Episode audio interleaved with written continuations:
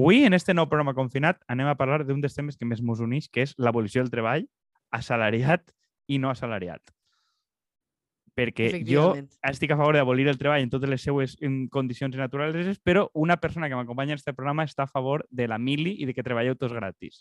Qui serà? Bueno, bueno però això no, no m'ho llançar a la Xina perquè no em dóna temps a justificar-ho i realment no seria... Bueno, dona igual, és que això, això és una bala innecessària que jo el que vull que és un servei civil obligatori. I servei civil obligatori- 18 anys Què implica? que, que, que eh, t'obliguen a fer tasques de prevenció d'incendis, de... Jo què sé, encara no ho he pensat, no ho tinc el- en el programa electoral encara. Vale, és a dir, les persones que podrien estar cobrant una, un jornal per anar a, a... És a dir, tu consideres que n'hi ha feines que no s'han de cobrar? No, jo penso que mm, és, hi ha feines que s'han de cobrar, però penso que tot el món hauria de passar per una etapa d'aprenentatge i que hi ha competències bàsiques que tot el món hauria de tindre. I en cas d'emergències, que la gent sigui fora capaç de reaccionar com toca, crec que això, seria bàsic. I això és el que jo entenc com un servei militar, que no n'hi ha ni armes ni militars. Però bueno, jo soc, ja saps que jo els conceptes els utilitzo com a mi em la gana. Però bueno, Però no d'ahí mos de ahí, de tema. d'ahí a Auschwitz, o sigui, n'hi ha dos passos, realment, eh? Tu lo que pasa es que eres un normal. Tu sí que t'enviava a Auschwitz, però més, que gana de polemitzar en una maralta. Això no hi ha dret. A veure, el tema és que tu, que t'has interrompit molt, molt pronten, ja sabeu que vam dedicar un programa anterior al tema de, del futur del treball, en el, parlant de bullshit jobs de, de Senet, però avui del No, de que Greber, parlar una de miqueta... Greber. Ai, de Greber. Estic, tinc el cervell gripat, jo què voleu que faça? Bueno, Vale. sí, de, de, de Graeber. El tema és que eh, una de les coses que volíem parlar avui és un fenomen que s'està veient, especialment en Estats Units, que eh, l'han denominat eh, la, la gran... La gran què? Ara se m'ha oblidat. Mm. La, el gran abandonament, no? O, Sí, algo així. no? bàsicament, bueno, no, no, sé, no sé exactament quina és la denominació, però fa referència a un fenomen en, en el qual la gent està començant a deixar de manera massiva les seves faenes i no necessàriament en busca d'una alternativa, sinó de manera més o menys definitiva, no? la idea de deixar de ser empleats. I crec que això és un tema que a nosaltres ens interessa especialment perquè crec que eh, la, gent que està deixant la faena Normalment la, la justificació de la faena s'ha fet norma, eh, a través de dos vies, no? Una és que dona identitat i l'altra és que dona supervivència. En el moment en què les faenes que es desenvolupen no són capaços de cobrir ninguna de les dues opcions, realment a la gent quin tipus de eh, justificació li queda per a subsistir en aquestes faenes, no? I aleshores, eh, per exemple, en, en, en, en Reddit s'havia multiplicat un, una xarxa, o sigui, una comunitat de antitreball en el que bàsicament el que és més famós són les ca- cartes de dimissió, que hi ha algunes coses que són eh, flipants, no sé si li has pegat alguna miraeta, no? però gent que li diu, no, eh, avui tocava treballar, ahir em vaig enterar que va morir mon pare, no sigues una víctima, i al final aquell li- l'envia a cagar, i coses així, no? Entonces això són les coses que més han triomfat en la plataforma perquè aquest tipus de falta de respecte són absolutament habituals en els llocs de feina, no? Perquè en el fons, encara que el, els eh, empleadors no t'estan cobrint les necessitats bàsiques, segueixen pensant que t'estan fent un favor per emplear-te i això és una, diguem que, que penso que és un desfase d'època molt gran. A veure, hem hem de pensar, això també entra en un context de, bueno, en, en general, cada volta està més clar que en el salari no pots cobrir una, una vida, no? És el que diuen de, de pob treballadors pobres, o sigui, de de salaris han baixat tant a tot arreu que no és possible mantindre's en el salari que cobres. Entonces, clar, ja de primeres no és la feina lo definitori, perquè i, segona, el que dius tu, que no et dona identitat, estàs en un lloc que probablement no li veus sentit, que no aprens un ofici, que sents part d'una cadena de muntatge i damunt t'estan tratant malament. I la tercera, que als Estats Units moltíssima gent, milions i milions de persones ja viuen de cupons de menjar. O sigui, que tenen més o menys subvencionat el sistema sanitari, pensant que allí no és gratis, tenen el sistema sanitari per a pobres, ajudes per a pobres i cupons de menjar barat del supermercat, que és de lo que viuen, perquè si no, no viurien. Entonces, claro, ja arriba un moment que dius, la comparació entre les ajudes socials i les ajudes socials que traus, també treballant activament, no se'n vaya tant una cosa de l'altra. O sigui, que, que evidentment, és gent, eh, esta gent en general, no és que se'n vagin a passar fam, és que probablement veuran altre tipus d'alternatives mm, molt més, bueno, de, de subsistència, però igual no molt distintes de les que tenen. El, el tema és que jo crec que has tocat un tema molt interessant, que és que igual les ajudes socials deixen d'estar tan, mm, tan mal vistes socialment, no? Vull dir quan ja tens un percentatge tan gran de persones que sobreviuen a aquest tipus d'ajudes, probablement ja no veus com l'últim eslabó de la cadena. I jo crec que, a més, està, està molt relacionat o sigui, en coses que crec que vam parlar un dia, no? Vull dir, que hi ha una tendència en TikTok i, i en altres xarxes socials eh, de molts, eh, moltes persones que se'n van a viure pues, a, una, a una furgoneta no? i que comencen a donar-te consells de com eh, fer temporades de faena i, i està molt relacionat amb la precarietat i no deixa d'estar-ho, però el que està buscant aquesta gent en el fons, no, no ens enganyem, és tindre més control sobre la seva vida i dedicar molt menys temps a treballar, que crec que és la cosa de la que va això, no? Vull dir jo no vaig a dedicar la major part del meu temps a una cosa que ni em satisfà ni em dona suficients recursos per a subsistir i per tant vaig a veure com faig el màxim i això, eh, hi ha moltíssimes, moltíssimes pàgines de consells, o sigui, hi ha moltíssims influencers de, de xarxes socials que es dediquen a donar consells a gent especialment jove per a fer eh, lo que treballs en el que es diu la gig economy, no? Vull dir que és eh, fer tasques o de traducció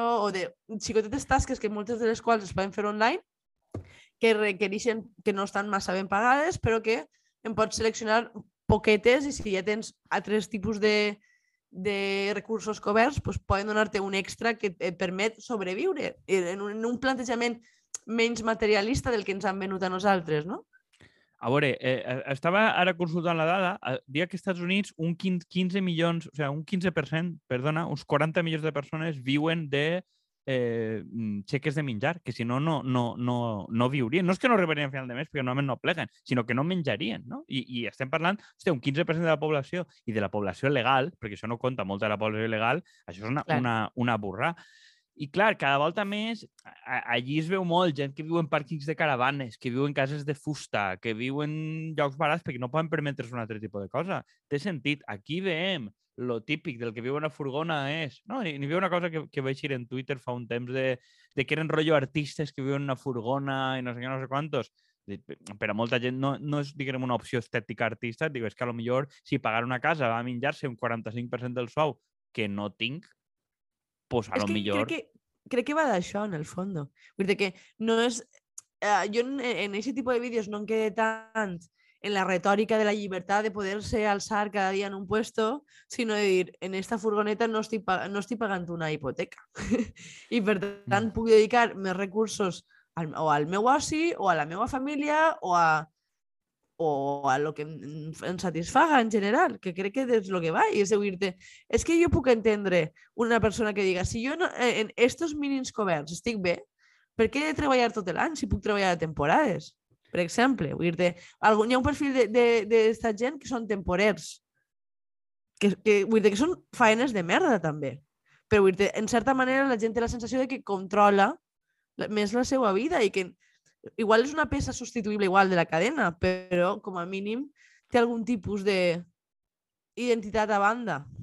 Sí, a veure, fa, fa 12 o 13 anys, o sigui, bueno, després de 2008 van començar a, anar, a, a tornar a veure europeus a la Verema. O sigui, la Verema de França i la, i la Verema de Perasí, però sobretot de França, que és la que es pagava més o menys bé, mm, havia hagut falta de mà d'obra fins al moment i, i se'n van anar. I n'hi ha molts llocs que es queden mm, ja sense replegar, perquè, claro, en, lo, en lo que paguen, que, que clar, cada volta n'hi ha més gent que, que, que opta a aquestes coses i cada volta n'hi ha més gent que cert tipus de feina no l'agarra. I això sí que està passant, no? sé, t'ho diuen aquí en l'hostaleria, falten camareros, falten no sé quantos, falten camioners. Mm, qui, qui participa en aquest tipus de coses? Qui mm, té ganes de suportar cert tipus de condicions en, per un sou de 1.000 euros? Doncs pues cada volta abandona més gent. És que, és que quin preu? És a dir, mira, jo no, no sóc especialment fan ni, ni dels autònoms ni de la autoconcepció que tenen. Però vull dir tu controles les hores que treballes fins a cert punt. Però vull dir si tu tens un jefe que te'n paga 6 i te n'obliga a quedar-te en 10 en base de que si no ho fas, vull dir això, i més una cosa que no estem tractant, és a dir, tenim un perfil, moltíssim perfil de treballador que una, no, no és només que no li ve, veig sentit de la seva feina, que se senga poc útil i, i poc val, valorat en la seva feina, sinó és que tenen claríssim que la persona que està per damunt d'ells, que fa més diners que ells, és, són complets inútils, que no aporten res a la cadena de producció. I per tant, tindre una persona que t'està manant, que el, el seu paper única i exclusivament és de control, jo crec que això també cansa, no? I vull dir si, si ni tan sols tens la perspectiva d'anar millorant la situació laboral en aquest camp o en aquesta empresa o, o, o anar millorant, diguem, la, com a mínim en termes monetaris, evidentment és que això és, in, és insuportable. A veure, una de les coses que passa en hosteleria, jo crec que ho han, tu i jo sí que ho hem comentat a voltes, jo no sé si el programa ho hem comentat, però a mi és una cosa que això t'ho diuen eh, fora de micro eh, formadors de la Generalitat d'escoles d'hostaleria i coses així. El principal motiu d'abandó de la gent jove que fa un cicle de cuina o de sumiller o no sé quantos és que l'envies a un lloc i el seu jefe normalment ha heredat el negoci d'hostaleria i és un complet imbècil que mm, no usa les seves competències per a res, damunt li dona instruccions, es tracta amb molta displicència i moltíssima d'aquesta gent passa a un restaurant o a no sé quantos i se'n van i, se'n va, i duren molt poc si no és que tenen una necessitat molt perentòria. I és per això mateix, perquè eh, aquí es diu molt de la formació dels treballadors, però la formació de l'empresari pues, mm, deixa molt que desitjar. Però és que si nosaltres ens queixem d'això dels nostres pares, vull dir que fan les coses perquè s'han fet així tota la vida, sense ningú tipus de, de crítica, i els aguantem perquè són els nostres pares, doncs imagina't aquest tipus de, de discurs venguent del teu jefe, que damunt et paga malament tard i de mala gana, saps? És que dir, saber que una persona sap menys que tu, que no valora la teva feina i que damunt retrasa les coses que fas o, o fa que les facis pitjor, jo és que de veritat, jo, jo és una de les raons per les quals a mi me costa molt treballar com a empleada, perquè si jo no respecte el meu cap, sóc incapaç de, de posar-me a, a baix les seves ordres. És una cosa que m'ha generat molts problemes fins al moment, però és que no, no me dóna la gana. A veure, jo crec que això és molt frustrant i crec que podria... Jo crec que em costaria, eh? però crec que podria arribar a compensar si et pagaren una quantitat exorbitant. Que tu digues, Exactament. vale, o sigui, és subnormal, però guanyes suficient per estalviar i pagar-me una vida de puta mare. Doncs pues tira-li. El, el problema és que, clar... Sí, i poder dir, dedique X anys a fer esta merda que m'està destruint, a, sabent que podré retirar, o sigui, que em podré retirar abans, que podré fer altres coses més endavant. És a dir, com, diguem com un parèntesi en la teva vida, no com la teva vida tal qual per, per, per a sempre. I, el problema i... és que això ja no, no m'ho pot garantir ningú. És que dona igual quina mm. feina tu estigues mirant, això ja no t'ho garantís ningú. És, és, és pura o sigui, esclavitud, no, però explotació sí. I, a veure, jo crec que aquí hi ha una cosa que en el tema del teletreball, perquè està fracassant a Espanya, eh, no és per falta d'efectivitat o productivitat, que tampoc la sabem mesurar, és perquè els jefes estan insegurs. No? I, i, i, I crec que no és un tema menor que siguin els jefes, també l'administració pública, els que estan incentivant que la gent, inclús en un risc sanitari immens, torni a l'oficina perquè que, els eh, el rabo. Quin, però quin rol tenen si no és el de control? És a dir, dir, eh, més enllà de sentir que la gent no t'està estafant, que és una cosa que li agrada molt al, als supervisors, no? De tindre la sensació de, ai, està jugant al mòbil mentre és jo l'estic pagant, perquè estàs pagant el temps i no la producció, que és una cosa de, que Graeber sí que comentava, no? Vull dir que, que tu no pots disposar del temps, perquè no, no importa el que produïsques, perquè en el fons no estàs produint res, sinó que en el fons el que pagues és, és el minut.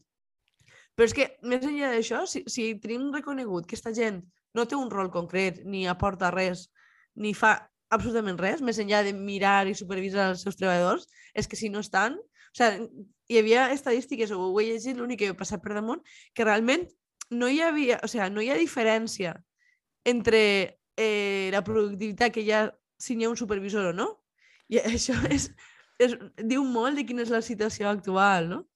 A veure, jo crec que partim de la, partim de, de, de la idea de que això, de que s'és més productiu si estàs en una nau industrial. Tal. El tema és que en general això no es mesura. O sigui, és el que tu dius, jo mesuro el temps perquè el temps és fàcil de mesurar. Mesurar la productivitat requereix un curro, requereix una formació, requereix un curro que normalment aquest supervisor no va posar-se a fer un tipus de cosa que probablement el deixaria en mal lloc i que li requeriria a ell o a ella treballar. Normalment és ell, però bueno. Eh, que li requeriria treballar i, per tant, eh, seguir mesurant el temps i que la gent fitxe és còmode, és objectiu i tot el món funciona. Però és que fins i tot la idea de que la productivitat és més alta quan tu tens la gent concentrada és falsa. O sigui, històricament, el, el llibre pòstum de Josep Fontana, que en català es dirà com va començar aquest engany, en castellà no sé quin nom tenia, demostrava, i a més posaven cites, de que en l'inici de la industrialització no n'hi ha cap prova de que treballar tots junts en una fàbrica fora més productiu que treballar en un taller o en un gremi. No n'hi ha cap. I, de fet, hi pot haver exemples que era al Lió, els rellotges suïssos, n'hi ha com 5 o 6 exemples marcats en dades de productivitat econòmica que li crea economistes que demostra que funcionen igual de bé. L'única diferència és el control, no? I, a més, aquest llibre està molt bé perquè explica tota la política que va fer el govern britànic i el francès de posar casernes al costat de les fàbriques, eh, tancar a la presó a la gent que s'escapava de la fàbrica perquè no, perquè no volien seguir treballant de forma tan alienant i per tant baix sou, que l'única manera de mantenir la gent a la fàbrica de la industrialització era l'exèrcit i estem en el mateix. El que passa és que ara, de moment, no s'atreveixen a gastar l'exèrcit. A mi això sembla super, super interessant perquè quan parlem de futur de la faena, quasi sempre està centrat no, en, la, en la tecnologia, les expectatives posades en la tecnologia, ja siga de manera positiva o negativa, de que ens substituiran a, a la majoria de treballadors. Però el tema és, què passa si això no arriba a temps i és, és la, diguem, són, els treballadors els que deserten antes, perquè vull dir, per a que realment tinguem capacitat els robots per a, per a substituir la majoria de feines, encara queda. I estem, estem avançant cap a un moment en què la gent diu és que no em compensa. Perquè me'n vaig a plantar...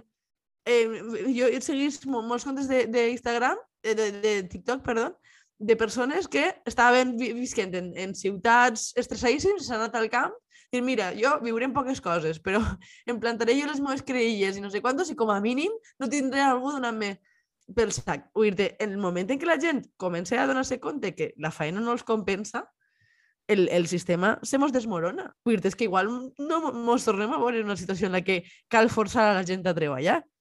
Eh, jo crec que en, en un moment intentaran això i crec que el millor que podria fer des de l'Espanya vaciada i companyia mm, com a atractiu mm, seria algo paregut això, perquè atraure la gent dient no, és que n'hi haurà eh, més wifi i més tren i més no sé quantos, no és com els vas a convèncer, vas a convèncer i dir, escolta, aquí no, no et deixaràs el sou i la vida i probablement no seràs un esclau. Si no tindràs un jefe, me pareix una bona campanya no, no, per a la vida.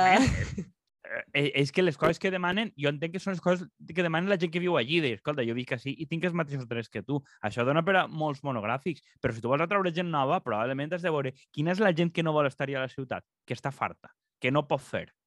Per això, tindre una casa, ja siga en propietat, siga per a tota la vida, em, tindre una feina, no viure esclavitzat, etc. I això cada volta mm, no és que tot el món vagi a estar teletreballant en una empresa tecnològica i treballant des d'un poble de Terol segurament faran altres coses.